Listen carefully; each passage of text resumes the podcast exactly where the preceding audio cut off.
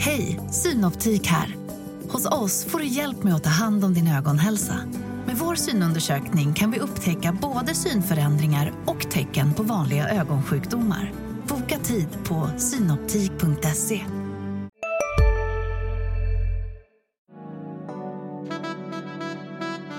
Du lyssnar på en podd från Närkes Allehanda. I veckans nedsläpp Örebro tar vi upp de hetaste snackisarna. Johan Hedberg är presenterad som ny tränare. Vi analyserar. Vi går även in på de värvningar som hittills har presenterats. Ska vi vara lika lyriska som Niklas Eriksson över värvningen av Ludvig Larsson? Vi snuddar även vid de båda finalerna som spelas just nu. Vilka vinner guld och vilka går upp? Och förstås, vad händer med honom? Jag som pratar heter David Helsing och med mig den här veckan har jag Hugo Levinsson.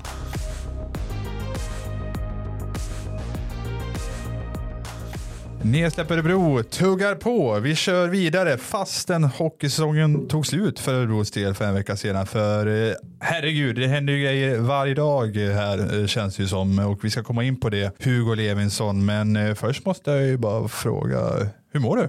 Jag mår det känns lite som att man är i ett hål efter att hockeysäsongen tog slut. Att det är lite att man går runt och undrar vad ska man göra nu egentligen med sitt liv? Ja, fast du är ju, jag vet inte, du lever ju jetset liv här. Du var ju i London nyligen här och det snackas om en ny resa som eh, är på gång här va? Är inte så? Ja, det kan stämma. Det kan ja. vara så att jag dyker upp med ett glas rött vin i Paris i helgen. Herregud, ni, ni, unga, ni ungdomar, ni har det för bra. Ja, vi ska ju bara jobba så att jag vet ja, inte hur framförallt du ska ju jobba. Eh, ja. ja. du ska ju vara här som en konstant på helgerna på redaktionen. Du ska ut, du ska ut och kommentera liksom eh, Sturehov mot eh, Eker. På ett plåttak ja, på Södervallen. Exakt, det, det är där man vill ha det. Så kommer du här och bara säger jag ska till Paris och, och vara, vara lite kulturell och sådär. Ja. Det, det, är en ny ordning som ingen riktigt ja, har godkänt än. Så är det. Ja, det, det får gå för den här gången. Eh, men du ursäkta eftersom du ändå gör mig sällskap i poddstudion.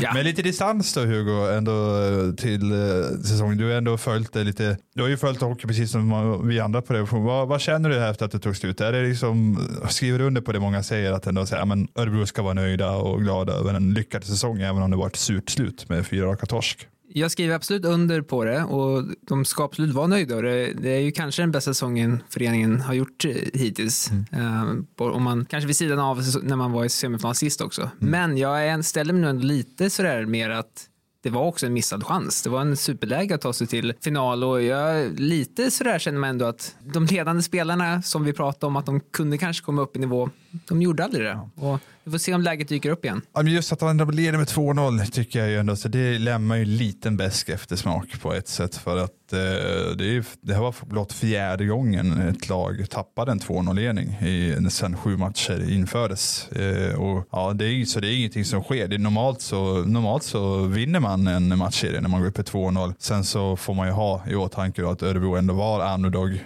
innan matchserien och eh, det var jämna matcher som Örebro drog längstastrået och så man, och tar vi liksom och går igenom match för match så var det var ju en jämn serie överlag. Även om Skellefteå vann fyra raka där så vet jag inte liksom så här, om spelet eh, i stort eh, vittnade om att det var liksom att Skellefteå var fyra, match, fyra serier i rad bra eh, jämfört med Örebro. Så att, eh, det går, men, men, men i det stora perspektivet absolut så, så ju mer man tänker på det så, här, så ah, det är trist slut, eh, dåligt slut. Men ja, på, ja. Örebro tycker, alltså jag tycker Örebro ska ha en bäsk eftersmak. Mm. För eh, har man inte det, då vad tävlar man för då? Ja. Det är klart de ska vara jättebesvikna över att de inte gick till final. Det är, det är den känslan de ska bära med sig in i nästa säsong nu och komma med en förbannad revanschlust. Mm. Liksom. Och det tror jag det är någonstans vi redan är när vi ska nu gå igenom vad som har hänt eh, sedan sist. Och det får oss då anledningen helt enkelt att gå in på första ämnet då, som är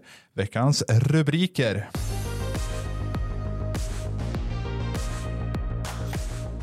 Och ja, Hugo, eh, rubriker har vi fått gott om. Eh, det är onsdag när vi spelar in det här och eh, i måndags eh, Ja, det, det smattrade på. Jag fick ju eh, till slut ett sms från Ludde Andersson, då, press och kommunikationsansvarig där i eftermiddagen eh, han, när han skrev, eh, ska se vad han skrev. Han, eh, nu ska jag inte lägga ut några fler nyheter idag så du kan ta kväll, skriver han vid halv fyra. Så att, då hade det smattat på med Johan Hedberg, klar som ny tränare. Och det kom även att att, eh, att Stefan Nyman fortsätter som eh, assisterande tränare och sen så slutligen även en analytiker som, eh, som anställs, eh, Karl Hellnemo. Eh, så att tre nyheter bara där, vi, men vi börjar ju såklart eh, med den största där och eh, grejen är också så här uh, under veckan, man jobbar mycket med dåligt bevarade hemligheter här när man släpper alla de här nyheterna. Uh, för det är, mycket av det här vet vi ju redan. Exempelvis då Johan Hedberg, klar som ny uh, huvudtränare och uh, chockvågorna. Har du, har du kravlat upp från dem som har, de har ju sköljt över här i Örebro sedan han presenterades Hugo? Ja, det, var svårt, det var svårt att hämta sig efteråt, alltså, att, att det var han som skulle komma in. Det,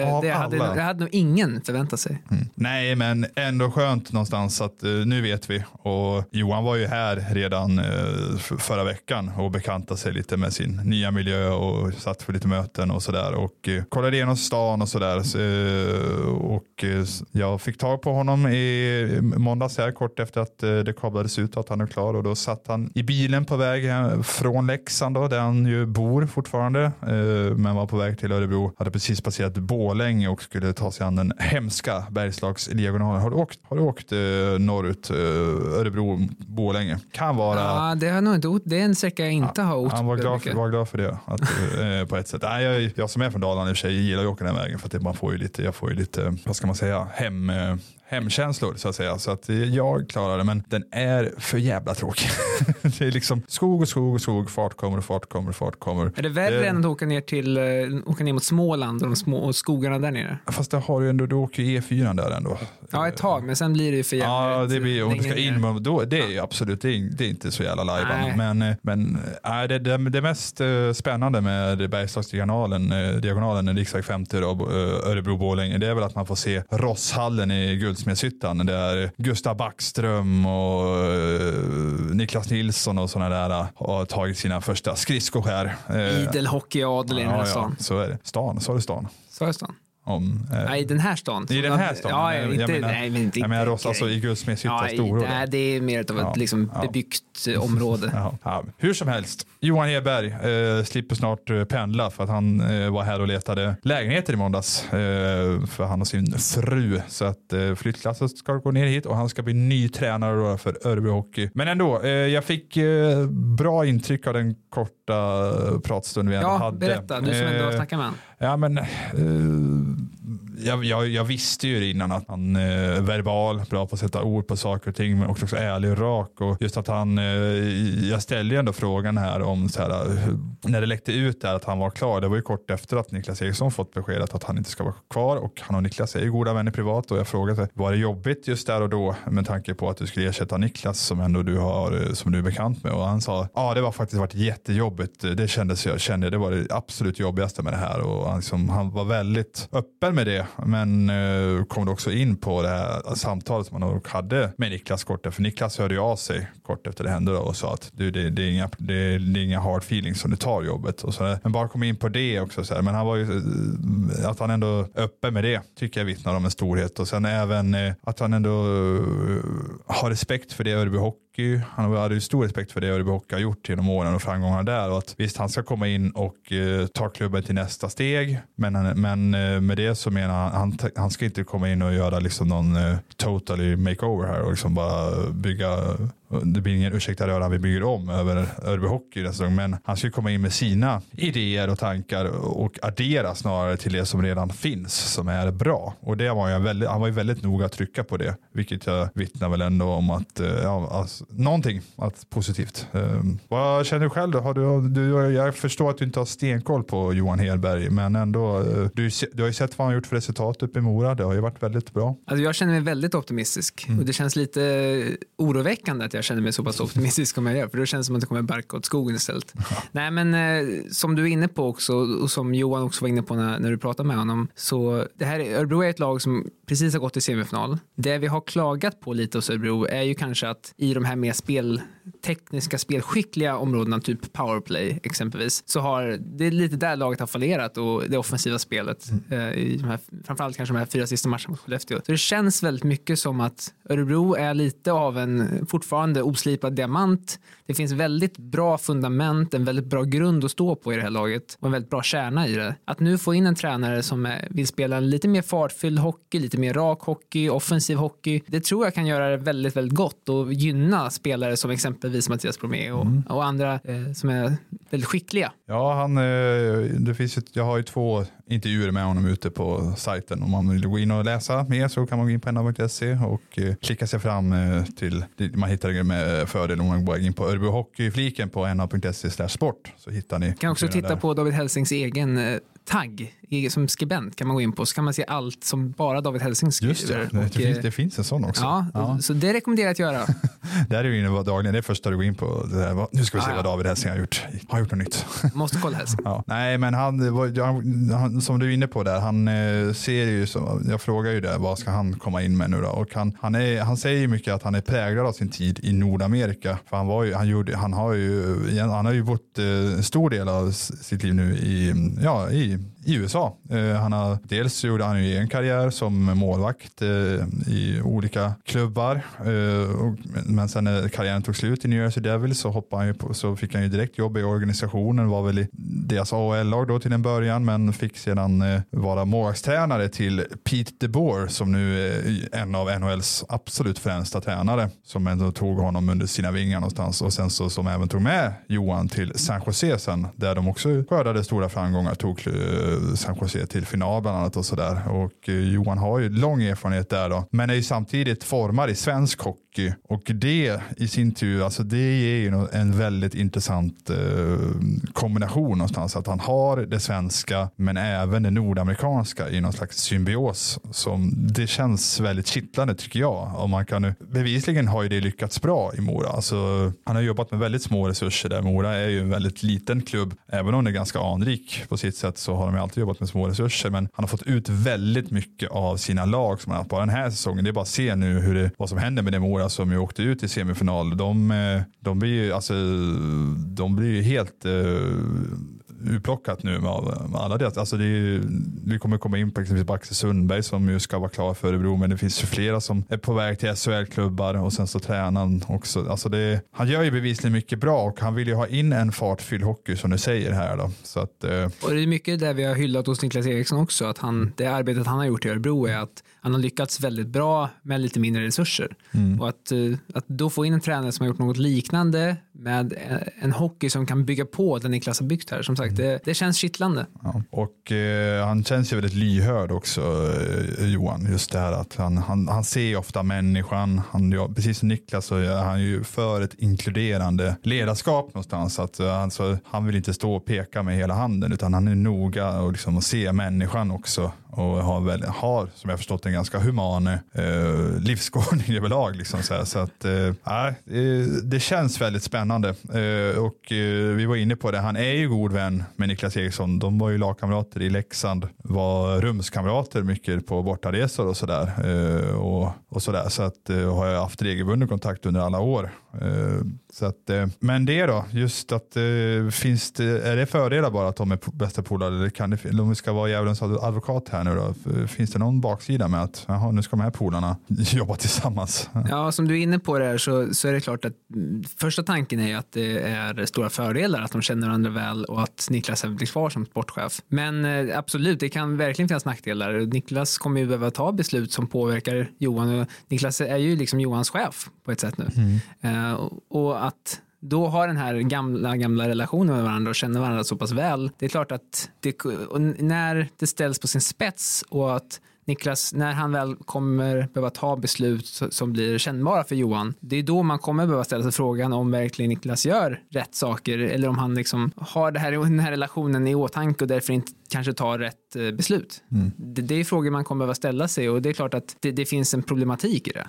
Mm. Men eh, jag, alltså jag känner väl någonstans ändå att det här är två människor som ser hockey på ganska liknande sätt men har lite olika infallsvinklar på saker. Det jag var inne på just med Hedbergs erfarenheter i kombination med Niklas tror jag någonstans gör en bra helhet och jag är, ja, alltså, vi får ju se det vad det blir i slutändan men, men så här på förhand så jag ser det som otroligt kittlande för liksom det är verkligen det är, det är ändå två personer som har gjort en, en av de starkaste, eh, alltså som gjort de mest lysande tränarinsatserna i svensk hockey under de senaste åren. Niklas resa med Örebro Hockey eh, vet vi alla och sen så det Johan Hedberg har gjort med Mora i Hockeyallsvenskan. Att liksom förena de två, jag tycker det känns otroligt spännande och kittlande. Sen får vi se, man. Det, det, sen när det väl kommer till kritan kanske det, nej, det här var inte alls bra. Men eh, ja, allt som jag tycker jag nästan pekar på att det här borde kunna bli bra. På förhand känns det som en bubblande cocktail med både körsbär och paraply.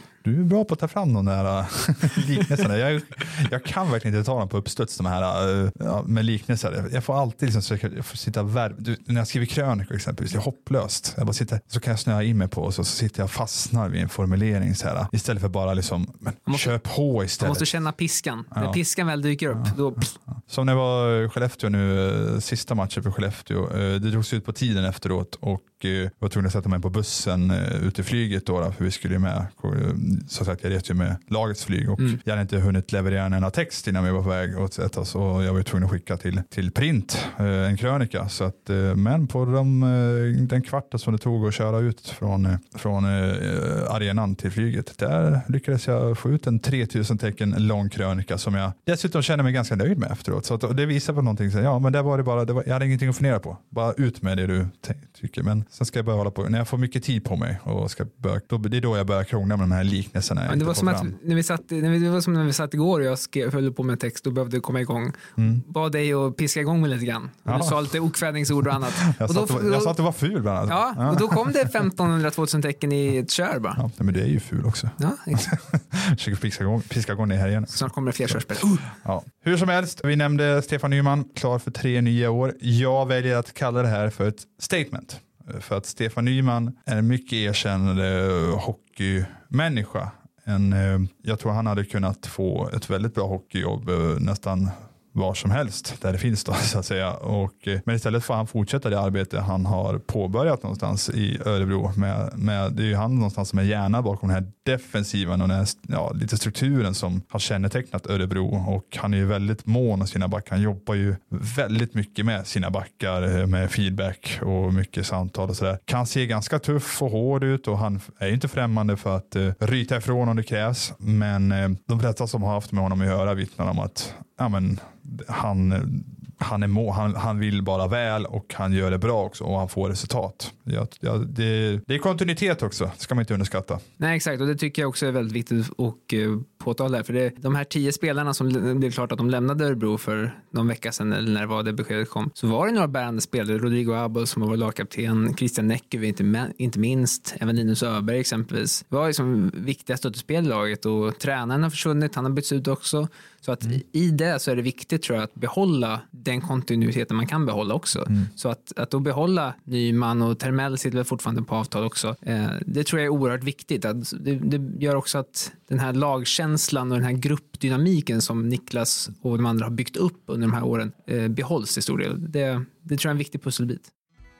Hemmaborgen är podden där jag, Fredrik Karlsson och jag, Elena Lövholm, gör vårt bästa för att hålla koll på läget runt ÖSK. Ibland går det bra.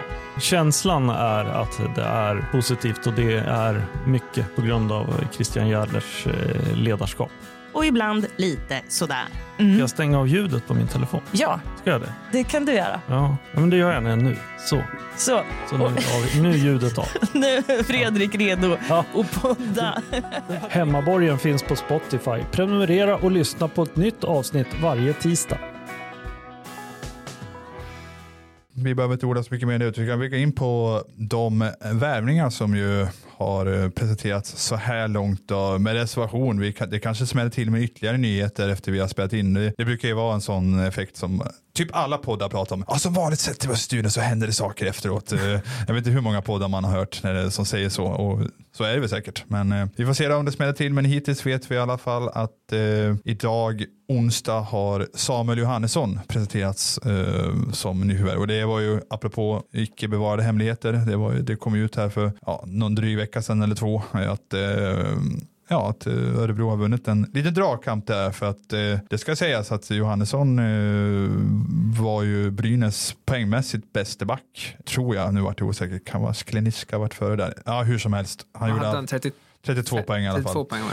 Väldigt bra notering i alla fall. Eh, Framförallt är det ju en sak vi gillar med honom. säg det nu. Han är rightare. Han är rightare. Det gillar även Niklas med honom. Ja, och det är ju faktiskt någonting vi ska, ja, som de har verkligen har tryckt på, att de behöver få in fler rightare. På backsidan var det bara Filip Berglund den gången säsongen och det går att hålla sig flytande, men det blir ju ganska statiskt när man har två eh, med samma klubbfattning i samma backpar. Någon får ju liksom ofta lägga ut backhand eh, i egen zon och sådär. Eh, och Samuel Johannesson ser jag som är perfekt. Jag, ser, jag var inne på det redan förra veckan, vi, vi nämnde han lite då i förbifarten, jag, i, i förbifarten, jag och eh, jag och Lasse där, att eh, jag ser honom som Christian Närkives ersättare någonstans och eh, man kanske får in lite mer rörlighet, alltså lite mer, alltså jag ser inte att Christian Närkive är orörlig, han, kan ju, han är ganska avig han också, men Johannesson är ju den här typen som kan stå lite på blå och liksom så här, man vet inte riktigt vad han ska hitta på nu. Liksom så här, han är ju väldigt, vi pratar mycket om att han skjuter mycket och det gör han ju, så här, men han är också en sån där som kan, liksom bara med sin teknik och liksom sina, eh, alltså hur han rör sig på blå gör att han blir ganska svårläst. Och nu tänker jag på powerplay då, alltså att eh, just en sån backtyp som jag, det känns som Örebro inte har haft på, jag, jag,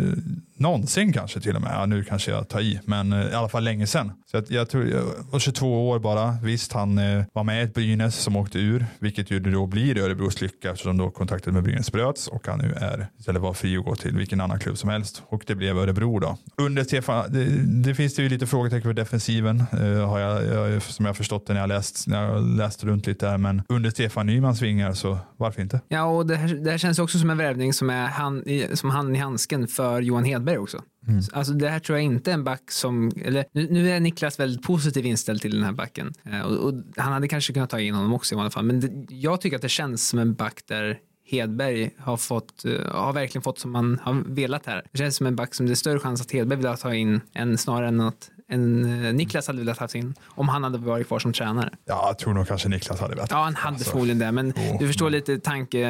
eh, Ja, det, det känns som en back som, som kommer passa med Hedbergs Med Hedbergs eh, lite offensiva tänk också. Ja, precis. Eh, Men vad heter det, när jag fortsätter på powerplay, jag ser framför mig ändå det som, apropå det som eh, Örebro, visst nu stod ju Filip Berglund till vänster och fick utdelning eh, några gånger med, si- med sitt skott och sådär, men eh, Örebro har, har ju saknat det här med att liksom, med skyttar och liksom har fått spela powerplay på ett annat sätt kan man väl säga för att få in puckarna. Och nu ser jag ju framför mig Samuel Johannesson stå på point och så har han Axel Sundberg då som ju vi vet ska vara klar för Mora. Men också rightare till vänster där. Och ha den här att ha den här liksom så att eh, kunna slå ett snabbt pass från point till Sundberg på vänstra tekningscirkeln i, vi kan kalla det Ovechkin positionen då, då och sen direktskott. Känner du, känner du ja, det men det, sig lite ja, men det, det är just det där som jag säga, det har inte Örebro haft. Nej. Och det är det man får nu. Den, just den dimensionen. För visst, nu har Christian Näkive stått eh, på point och någon gång har han serverat eh, eh, Filip Berglund till vänster. Men det, problemet är att eh, som sagt eh, Näkive är ju, är ju vänsterskytt då, och, och får ofta då ta emot pucken och sen passa till vänster. Det Och det, då, tappar, tappar man ju tempo och tid och då hinner oftast eh, boxen täcka. Nu, nu, blir det, nu får man ju möjligheter till ett mycket snabbare powerplay och just med det skotthotet också. Men du, vem ska vara den mer defensiva backen och säkra hem, hem, hemåt? En passning till eh, hemmaborgen här eh, som ju förra veckan där Fredrik Karlsson skulle ta ut en powerplay-formation i ÖSK och direkt det första Fredrik Karlsson tar upp är att det är bra att ha en, eh, någon som kan säkra upp eh, ifall man åker på kontringar emot. Så. här. Ja, fast du vet ju att powerplay handlar ju mycket om det offensiva. eh, Fredrik. Så att, eh, han, eh, han eh, stärkte sin position som fotbollsreporter som inte skriver hockey. Det kan vi säga om Fredrik Karlsson. Ja, Men lyssna på förra veckans hemmaborgen. För, Om ni vill för, höra ÖSKs powerplay-uppställning. Ja, det var intressant på sitt sätt. Det var roligt att lyssna på också. Och de är duktiga på sitt sätt. Eh, nog om det, nog om Samuel. Vi går in på nästa värvning som ju presenteras igår tisdag när vi spelade in här och det är ju då Lud Ludvig Larsson och Niklas Eriksson. Sportchef Niklas Eriksson, vi passar på att säga det då. Sportchef Niklas Eriksson, man måste ju få in det på vänja sig och säga det. Du som trodde att Ja. du skulle slippa samtala med Ja. Niklas nu. Jag får prata med en, ännu mer nu eh, nästan känns som. Men i alla fall så här års. Men eh, Niklas var lyrisk. Han kallade det för drömvärvning. Och eh, ja, det, Kan det vara ett steg i att eh, ta lite andra ord i munnen som sportchef snarare än tränare? ja, eller man kanske är lite så ovan eh, hur han ska uttrycka sig i sportchefsrollen på något vis. Han kanske säger att ja, man kanske måste vara lite mer bjussig på ett sätt. Jag vet inte. Om jag frågar dig då, tror du, eh, tror du Niklas överdriver när han säger drömövning eller tror du att det är en honom? Nej, jag tror det är en drömvärvning ur hans perspektiv just det här med den här gedigna centern, lite tvåvägs, stora ledaregenskaper, smart och alla de här bitarna. Just det, det är liksom en Niklas Eriksson-spelare skulle jag nog säga. Att det, det, det, det är lite därför det är en drömvärvning på ett sätt. Sen kan jag förstå att han ser det som en drömvärvning också eh, för att Louis Larsson, vi ska komma ihåg det för två år sedan, han var ju Hockeyallsvenskans kanske bästa spelare och liksom, han var ju jagad av allt och alla. Och sen visade det sig vara en dragkamp mellan då Rögle och Örebro då, för det berättade ju Niklas att nej, men vi ville ha honom redan för två år sedan. och han hade ju typ haft fem eller sex samtal med Ludde då, som han ju såklart kallas. Men att då blev det ju Rögle och ehm, han har ju vuxit där. Han hade ju här en liten lärosäsong först för att eh, den gångna säsongen nu då fått eh, ta, ett, ta en ännu större roll och han gjorde väl 15 mål och totalt 26 poäng, vilket vittnar om att poäng kan han göra. Ja, och det var det Niklas också framhöll, att det är offensiven som är hans eh, signum, men han är ju eh, i grunden en tvåvägscenter också som även kan spela boxplay om det, om det behövs. Eh, Även om jag vet att Örebro, i alla fall tidigare, Hej, Ulf Kristersson här. På många sätt är det en mörk tid vi lever i. Men nu tar vi ett stort steg för att göra Sverige till en tryggare och säkrare plats. Sverige är nu medlem i Nato. En för alla, alla för en. Har du också valt att bli egen? Då är det viktigt att skaffa en bra företagsförsäkring. Hos oss är alla småföretag stora och inga frågor för små. Swedeas företagsförsäkring är anpassad för mindre företag och täcker även sånt som din hemförsäkring inte täcker. Gå in på swedea.se företag och jämför själv. Den här säsongen har jobbat väldigt tydligt med de som spelar powerplay spelar powerplay och de som spelar boxplay spelar boxplay. Men han, han kommer kunna alternera. Ludde Larsson där. Så att, eh, men jag förstår att han ser, just också svensk, fortfarande ganska ung, jag tror han är väl bara 27 så han har ju sina bästa år kanske framför sig fortfarande och, och har gjort eh, Tre Kronor debut och kommer ju bara kunna bli bättre. Så att jag förstår att han är lyrisk på det sättet. Ja, det är som du är inne på, eh, det här med att han har fått växa in i SHL också. Det tycker jag också talar lite för att det kommer förmodligen finnas ännu mer att hämta från honom. Kanske dels poängmässigt men även eh, att ta plats på isen och ledaregenskaper. Jag menar, vi såg inte minst vad som har hänt med Marcus Hardegård bara här på slutet av den här säsongen. När han, har, eh, när han verkligen har fått växa in i SHL-kostymen. Så att, eh, jag, jag, håller, jag håller med Niklas om att det känns som en väldigt bra övning där. Mm. Och eh, som sagt, han hade Johan Hedberg i Mora. De trivdes jättebra ihop och jag är väl övertygad om att eh, det, det, det kan inte vara en nackdel heller på sitt sätt. Så. Nej, det är nog snarare en fördel och Ja. det, det tycker jag vi ser på de värvningarna. Dels eh, de som är presenterade och de som inte är det. än Att, Mm. eh, det, är ett positivt tecken att Hedberg verkar vara med och styra väldigt mycket om vad han, eh, vilka spelare han vill ha in och vilka spelare han tycker kommer passa in. Verkligen. Kommer användas som center. Eh, han är ju center i grund och botten, Ludvig Larsson, även om han ju i Rögle även har verkat på en kant, vilket då innebär att Örebro just nu har en centersida bestående då av Ludvig Larsson, Robert Leino, Kristoffer Mastomäki och Milton Oskarsson. Och då ställer jag frågan, är det här verkligen en tillräckligt bra centersida? Om vi bara börjar med de fyra namnen, eh, Hugo. Jag vill vill att jag tar den först. Nej, men jag kan ju börja spekulera så får, får, får du fylla i mina luckor Ja. sen. Eh, jag är lite tveksam till om det är en tillräckligt bra centersida. Om man ser till det Lasse sa exempelvis om att han trodde att det skulle komma in en bomb och sådär. Eh, och om, om den här centersidan nu är satt i sten så skulle det innebära att om det så fall skulle komma någon form av bomb skulle den vara på forwardsidan. Däremot som vi diskuterade lite grann för du och så skulle absolut inte utesluta att det kommer in en till center då man har dels Robert Leino som kan spela forward och center och även Ludvig Larsson också som också kan verka på båda rollerna och det kan ju Milton också göra för den delen. Mm. Så att jag ställer mig lite tveksam till att den är tillräckligt stark som den är nu. Jag skulle inte bli förvånad om det kommer in ytterligare en center. För att det är ju det som Niklas trycker på. Han vill ha alternativ på centersidan. För att det kommer ju komma skador och han vill liksom. Nu hade man en situation här säsongen när man hade lyxen att kunna sätta ut Leino på en kant. Även om Leino i grund och botten fungerar bäst som center så jag tyckte han kom till ganska bra på en kant många gånger. Även om han ibland kändes lite ovant. Eh, men ehm, jag, jag, jag är med dig. Jag vill också säga men det här är väl ingen SM-guld centersida. Det var ett bra ord. Eh, för att liksom Ludvig Larsson, alltså Niklas sa att ja, men han har absolut första centeregenskaper. Det kanske han kan växa ut. Absolut, då är det ju jättebra. Men så på förhand är jag väl tveksam om jag ser Ludvig, Ludvig Larsson som en första center. Är Robert Leino en första center? Absolut inte. Eh, han producerar för lite eh, för att vara det. Och eh, där bakom är det då Kristoffer Mastomäki och Milton Oskarsson. Däremot det jag känner då, då så att nu sitter vi och vi är lite, vi är lite avigt, ins, avigt inställda här mot, mot hela. Men jag tror att vi faktiskt underskattar uppskatta den lite samtidigt också. Eh, för att eh, kolla bara på de steg som Mastomäki tog den här säsongen. Han lyfte sig poängmässigt, hittade en ny nivå i sitt spel. Milton Oskarssons slutspel, herregud. Nu får han en normal försäsong också i benen. Han fick, vi vet ju hans historia från förra året när han var sjuk och grejer och kom igång sent från start. Och jag tror att någonstans att centersidan är kanske bättre än vi tror. Eh, med det sagt, är den tillräckligt bra? Nej, det vet jag väl inte riktigt. Eh. Det, det, är väl egentligen frågan det där om, om man vill ha in en rak ersättare till Rodrigo Abols mm. eller inte.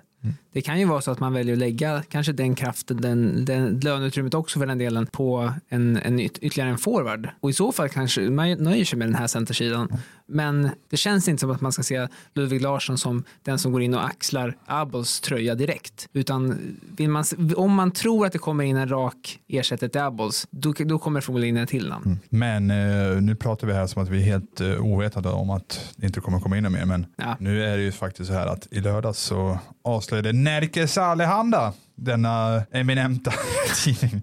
Och, eh, framförallt allas vår. Allas vår. Lasse Wiström avslöjade att Hannes Björninen, Samuel Johannessons lagkamrat från Brynäs, är klar. Och där har vi en center. Men han är ju inte den här bombcentern som vi kanske, jag och Lasse, spekulerade i förra veckan här i, i, i podden. Utan det är ytterligare så här lite mera gedigen, eh, hårt arbetande, tvåvägs, eh, har varit lite lägre ner i hierarkin, kanske i Brynäs. Så det är ju inte den här topp, topp, topp, topp, topp centern eh, i mina ögon. Däremot en väldigt nyttig och bra. Av det jag såg av Brynäs, så jag gillade mycket det jag såg av honom. Och även om han är ju väldigt så här, defensivt lagd så han gjorde ändå 11 mål. Jag tror han hade på typ en 25 poäng och sånt där. Eller var till och med över 30 kanske det var till och med. Nu, det här, så här ska man ha koll på innan. Men, eh, vi, vi, vi, får ja. också vara öppna med att vi killgissar mycket ja. i podden. Men alltså han, har, han, har ju, han har ju ändå lite offensiv i sig och det kanske snarare så man jobbar. På det här att man vill ha alternativ nu då. Att eh, det kanske inte ska vara en Rodrigo Abol som gör över 40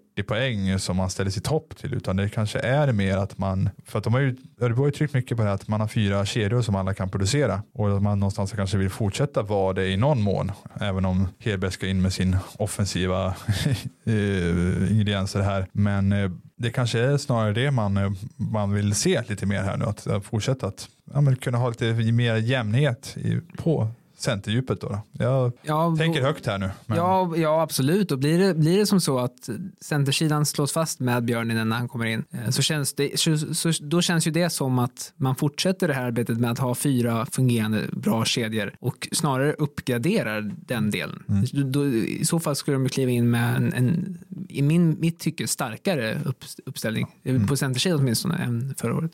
Ja, det känns lite så. Och eh, Björnen kan ju vara en liten bett bättre, alltså, eller jag vet inte om han är bättre Lionen, men han har ju, för Lionen, jag tyckte han var så grym i slutspelet med sin, eh, främst hur han jobbar i spelet utan puck, men spelet med puck är ju inte Janne Lionens starka sida. Om eh, Björnen kan göra någorlunda liknande eh, bra jobb som Lionen i spelet i stort, men sen adderas sitt spel med pucken, då kanske det, det kanske till och med är en uppgradering gentemot Janne Lionen. Det kanske är en Hedbergsvridning på Precis. spelartypen Janne Lionen, mm. lite mer offensiv. Björnen gjorde gjorde 25 poäng förra säsongen och eh, det är ju väldigt, han är ju väldigt meriterad. Det var visserligen hans första år utanför Finland den gångna säsongen men han har ju, han har ju vunnit VM och OS och grejer med Finland så att det är en, han har ju meriter så det räcker det bli över den gode björnen trots att han, ja, han är bra ålder också, 27 år. Ganska Samma perfekt där. ålder. Ja, det är en bra, bra hockeyålder. Det är, man är någonstans i sin, i sin prime där skulle jag säga. Eh, Så att, eh, ja men spännande.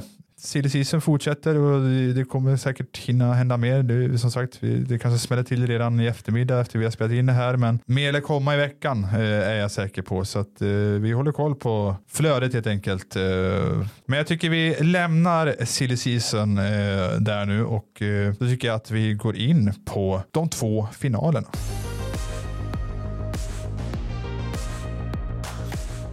Och vi ska inte, det här är en Örebro Hockeypodd eh, så vi ska inte vara alltför långrandiga men jag tycker ändå vi kan snudda vid lite vid de finaler som ju spelas just nu både i SM-slutspelet och i Hockeyallsvenskan. Och och eh, jag säger att eh, Växjö har kopplat ett järngrepp om guldet efter att de vann även match två och nu har 2-0 i matcher. De skjuta 11 skott och göra ett mål och sen hålla nollan. Eh, Växjö-style, klassisk nästan får man säga. Så att, jag säger att det här släpper inte Växjö. Nej, och jag håller med dig. Som, vi, som du var inne på tidigare så är det ju ganska ovanligt att lag släpper 2-0-ledningar. Eh, och jag tror absolut att Skellefteå kommer bita tillbaka, men jag tror också som dig att Växjö kommer ta hem det. Men jag har svårt att se att eh, Växjö förlorar fyra. Det här säger man, slänger man alltid ur sig en lag leder med 2-0. Men vi, som sagt, vi sa ju nyss hur lätt det är att lä- vända 2-0. Skellefteå gjorde det visserligen och har det med sig, men jag tycker det är lite skillnad också. Så här, nu har, då, då hade de ju också en hemmafördel någonstans. Eller, de tappade hemmafördelen, men de, de behövde ju bara en bortaseger för att få tillbaka den. Nu är det ju så här, nu ska de vinna, de ska vinna två matcher där nere i Vida Arena och sen ja, två matcher. Ja. Och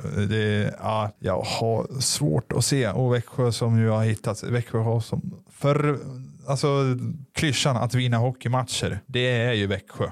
Alltså så här, det är ju sällan särskilt vackert eller snyggt. Men de gör det och de kommer fortsätta göra det. Så att eh, Glenn Gustafsson, som ju apropå silly season Örebro Hockey, som ju klar, vet är klar för Örebro, kommer komma tillbaka till Närke med ett SM-guld. Jag känner mig eh, säker på det. Ja, och Växjö och Örebro är ändå två skilda lag och jag, det sitter i väggarna på ett helt annat sätt i Vida Arena tror jag. Och att, eh, så Växjö kommer inte släppa grepp om det här. Nej. Det, jag, jag känner mig säker i att det här, slå fast det. Är du lika säker på att Djurgården kommer gå upp i SHL nu när de kvitterar till 1-1 eh, och nu har två matcher i följd på Hovet och kan gå upp i 3-1-ledning inför ett Hovet som vi, ja, du kan ju tänka dig hur det kommer trycket där inne. Jag, jag känner mig, mm, just det, men det är det som är så intressant med det här, båda de här match två har varit, tror jag kommer vara nyckeln, eller ja, kommer visa sig vara nyckeln till vilka som går upp. För att jag tror nu, i och med att eh, Djurgården tog match två här nu och åker hem till Stockholm med två hemmamatcher, att de, de kanske inte kommer vinna båda, men de kommer ändå ha ett bra läge. Kanske kommer vara 2-2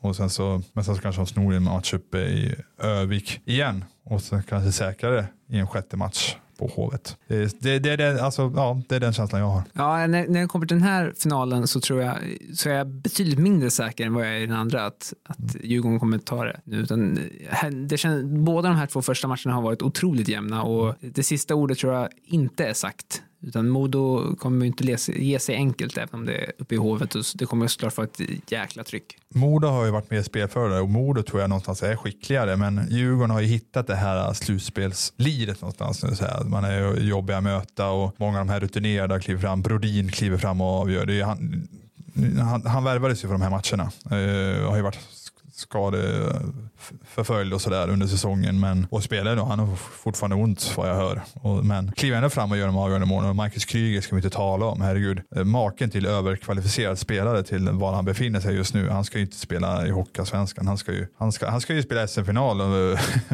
minst. Alltså, så, så bra är han ju.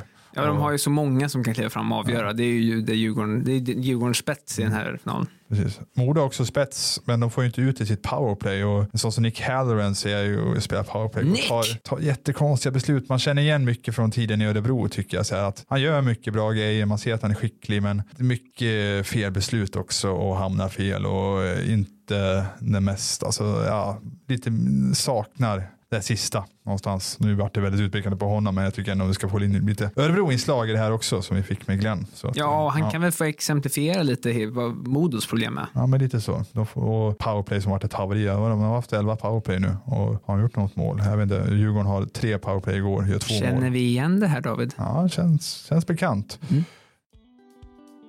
Konditionsbloggen-podden är podden där jag, Jonas Brännmyr, bjuder in länets bästa konditionsidrottare för att nörda ner oss i framgångarna, Det är ju klart en bekräftelse på att man gör, man gör saker rätt. Det är ju möjligt att ta ett, ta ett VM-guld, det är jag säker på. men också stunderna där det varit lite kämpigare. På vilodagen då börjar ju folk bli dåliga och nästan alla blev ju ja, men matförgiftade då eller vad det nu var. Vi finns på Spotify. Prenumerera och lyssna på Konditionsbloggen-podden.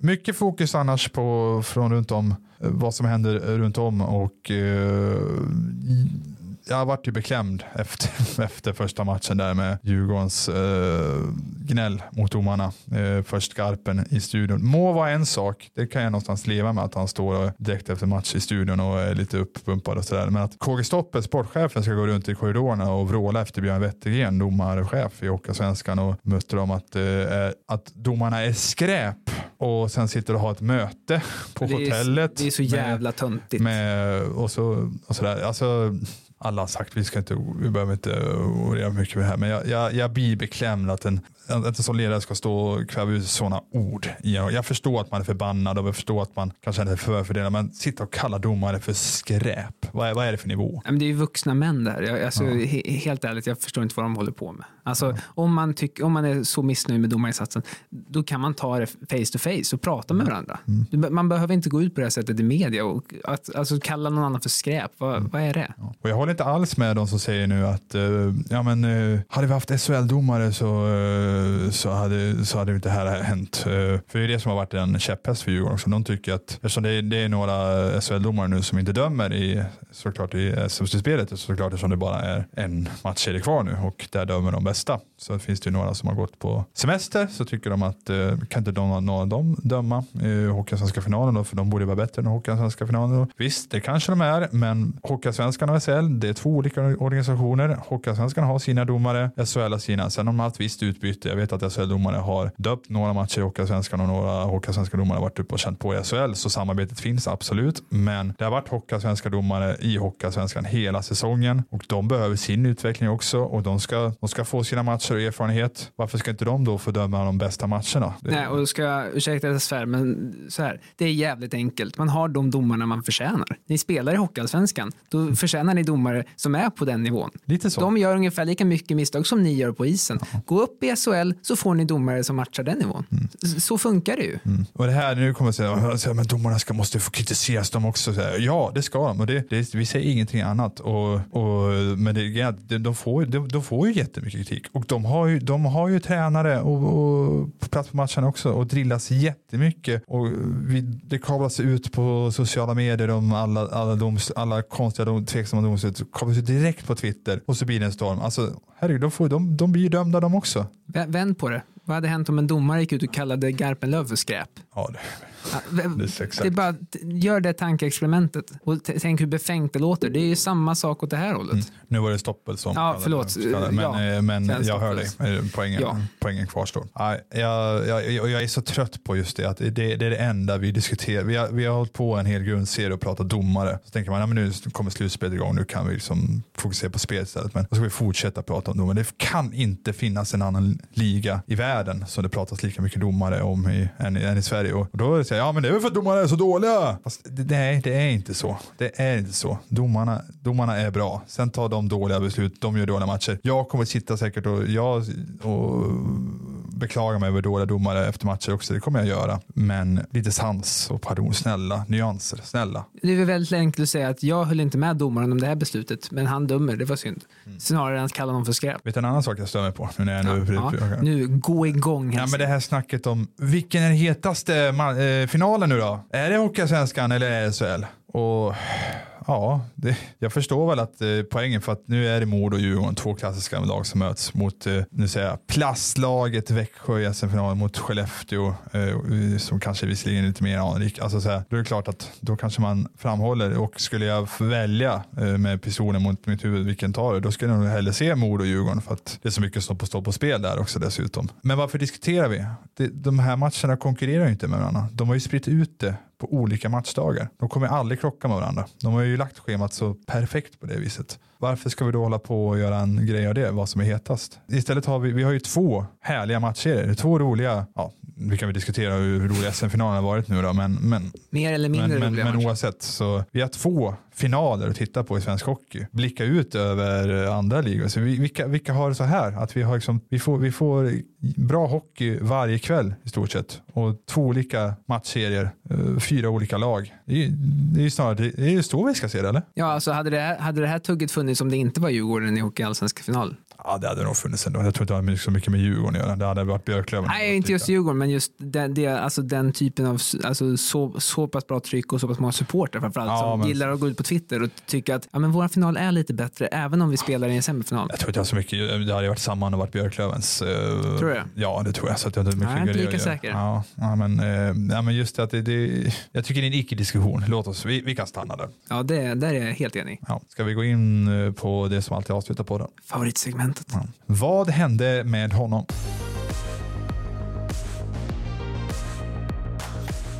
Och eh, förra veckan pratade vi om Anton Hedman, jag och Lasse. Det var Lasse som drog ett namn ur påsen då. Eh, det är som sagt lite repetition. Det är alltså jag har en påse med lappar med, där det, med spelare. Alla har spelat i Örby Hockey under SHL SHL-åren men lämnat klubben och vi går helt enkelt igenom vad som hände sen med dem. Så jag tycker det är att du Hugo ska, Ah, ska jag få dra ett namn? dra ett namn. Om du kan läsa vad jag skrivit bara. Det är väl det som är det, är, det, som är det Jag, svåra se, kanske. jag har fått den berömda påsen här nu. Mm.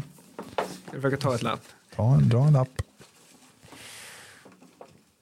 Jonas Karlsson. Jonas Karlsson. Jonas Sill Karlsson. Jag trodde jag var skådespelare. Ja, ett ganska vanligt namn tror jag, Jonas Karlsson. Ja, en aning så, va? Eh, så att, eh, men, eh, ja, men det är ju en hockeyarbetare kan man väl säga. Jag tror vi kommer, det har ju varit lite tema att vi har fått prata om eh, spelare som har fått avsluta karriären i förtid på grund av skador. Det har varit lite tema nu. Eh, Anton Hedman senast, och så har vi varit inne på Anton Bremer och Rasmus Fyrpil. Men jag tror att eh, det varit lite samma för, med honom om vi ska gå igenom vad som hände med honom. Men eh, han var ju ändå, han var ju med på hela resan med Örebro Hockey. Eh, från, jag tror han till och med var, var med i division 1 åren också. Det var han. Ja. I allra högsta grad faktiskt. Mm, du ser. Två säsonger, 41 matcher vardera i division 1 gjorde han för. Ja, så han var ju med eh, redan när Örebro gick upp i Hockeyallsvenskan och var kvar även om fyra åren där i Hockeyallsvenskan och var således med då på, i avancemanget i väldigt begränsad roll. Det var ju, det var ju den typiska fjärde, typiska brunkaren i fjärde kedjan. Eh, gjorde sällan poäng utan det var ju mer spela boxplay och ta de här, ta skitjobbet helt enkelt. Eh, Det som är härligt att se är ju dock att det är inte så att han gjorde så här fem matcher när han kom upp i SHL utan eh, han spelade ju diget hela Hockeyallsvenskan, mycket matcher och sen gjorde han även 37 matcher i SHL. Ja, det var det jag kommer ihåg att han, han, var, han, han fick ju, han hade ju kontrakt med Örebro även SHL-året där och normalt sett så hade han väl kanske inte varit en sån man hade fortsatt med om, om de hade haft möjlighet att han hade haft ett utgående kontrakt. Men han fick ju fortsätta och gjorde ändå ett mål på eh, ett, SHL-mål. Och jag vet att någon gång så här, jag, jag frågade honom, för han fick ju ganska knapert med speltid och så här, så här, men han var ju liksom så här, någon slags förstående till att, så här, ja men, han sa väl inte rätt ut att jag är inte tillräckligt bra, men någonstans så var det lite, lite det han, han eh, utstrålade på ett sätt och han, liksom, han tyckte bara att men det är kul ändå att få ett år i SHL. Han, man, märkte, man märkte det på honom den säsongen, att eh, även om han kanske inte riktigt plats, han var ombytt 37 matcher i begränsad roll, så han tyckte ändå det var väldigt kul för att bara få ett år i SHL. Men han har ju fått, han är väl, han är ju han är ju Karlstad pojk från början. Eh, eller ja, Kils. Han är från Kil från början, men det är ju typ Karlstad. Det är bara någon mil över. Oj vad du gör värmlänningar upprörda just nu. eh, exakt, men eh, Det står jag har, ju, har ju spelat i Färjestad då, i, under junioråren och eh, gjorde den förbjudna övergången där. Ser du det? 06-07 Ja. i Bofors. Sen är det Hockey. Men du kan ju få berätta för mig, eh, för jag kan ju också lä- jag kan läsa statistiken, men jag vet ju inte vad som hände med honom eftersom han bara 31 år gammal avslutade karriären i BIK Karlskoga. Ja, men jag var inne på det. Jag tror det det vara lite skador. För att eh, efter det här året i Örebro, då, sista året 13-14, så gick han ju till Norge, i Sparta Sarpsborg. Och där fick han göra lite mer poäng. Det är nog 32 på 37 matcher där. Och sen så vände han tillbaka till, eh, till eh, Örebro då, eller jag, jag vet att han, han har i alla fall bott i Örebro under alla år eh, och spelade med Lindlöven eh, 15-16 där, gjorde det jättebra och Eh, blev ju värvad mitt i säsongen av BIK Karlskoga där då, som man ju har som sagt spelat med förr då, när de hette Bofors. Men eh, där börjar väl skadorna komma och eh, vi ser där 16, 17, 34 matcher. Det är ju långt ifrån en hel säsong, eller långt ifrån men hyfsat långt. Och jag försöker försöka hitta någonting här då, men jag för mig att det var att det var skador som ställde till i slut. Vi får väl, ja, jag får upp en rubrik här. 31-åringen lägger av efter hjärnskakningen. Ytterligare en hjärnskakningshistoria. Alltså. Another one bites the dust. Eh, precis. Han, det var i sam- jag läste på Hockey Sverige här. Det var i samband med matchen mellan Karlskoga och Björklöven i Nobelhallen den 11 januari som Karlskoga-forwarden Jonas Karlsson fick ett skär, skär och åkte in i serien, åkte in i serien, åkte in i sargen antar jag menar, med en hjärnskakning som följd. Ett drygt halvår efter händelsen är han fortfarande återställd och nu lägger han skridskorna på hyllan. Så att, hjärnskakning där också. Så att det är den tredje vi drar den där lappen, eller den där påsen som har avslutat på grund av hjärnskakningar. Vi får börja ta in någon utifrån som får dra lappen på sig för att undvika hjärnskakningarna. Ja, det sätter också fingret på att det, har, det är ju faktiskt en problematik som har funnits. Det är ju, finns väldigt många exempel på spelare som har slutat på grund av hjärnskakningsproblematik och det har gjorts ett arbete också mot det för att, och det har blivit bättre också. Så att eh, det går åt rätt håll men det det finns en mörk historia där. Eh, så att, men eh, jag vet ändå, väldigt eh, trevlig gosse Jonas Karlsson. Bra att ha att göra med, sympatisk på alla sätt och fick ändå en bra hockeykarriär i Örebro främst då med dubbla avancemang, dels i Hockeyallsvenskan och dels till SHL. Så... Ja, fantastiskt att få, få vara med och, och, och, verkligen spela upp laget från division 1. Ja, med men, hela Hockeyallsvenskan och upp i SHL. Det är, det är nog det är få förunnat att få göra en sån resa. Det är inte alla som får, det är många som eh, spelar en hel karriär utan att få vinna någonting. Mm. Han har ändå fått vinna två saker, Jonas Karlsson, som en ganska så begränsad hockeyspelare dessutom. Ehm, så att, äh, men en applåd äh, till Jonas Karlsson. Ja, verkligen. Och med det så rundar vi väl av Hugo. Det hinner säkert hända mer saker i Örebro Hockey så att håll koll på får vänta tills jag får i med min korvstroganoff nu.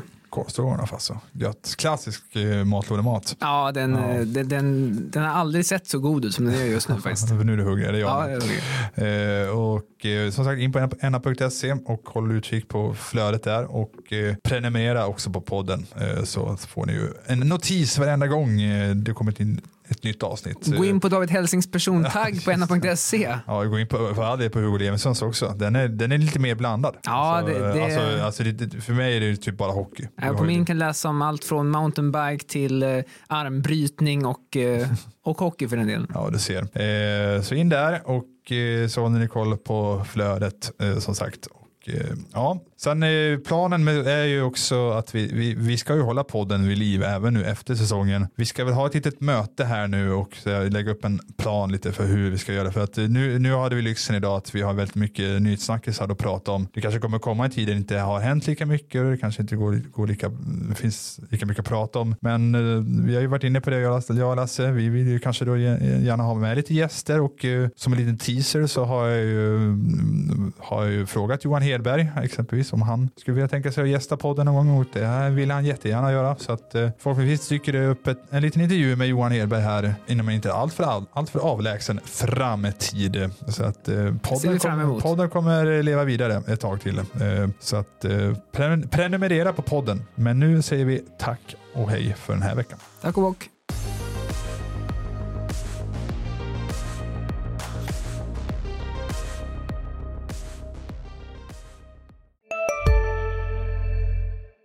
Hej, Susanne Axel här. När du gör som jag och listar dig på en av Krys vårdcentraler får du en fast läkarkontakt som kan din sjukdomshistoria.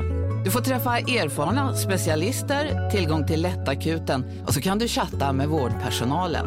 Så gör ditt viktigaste val idag, lista dig hos Kry.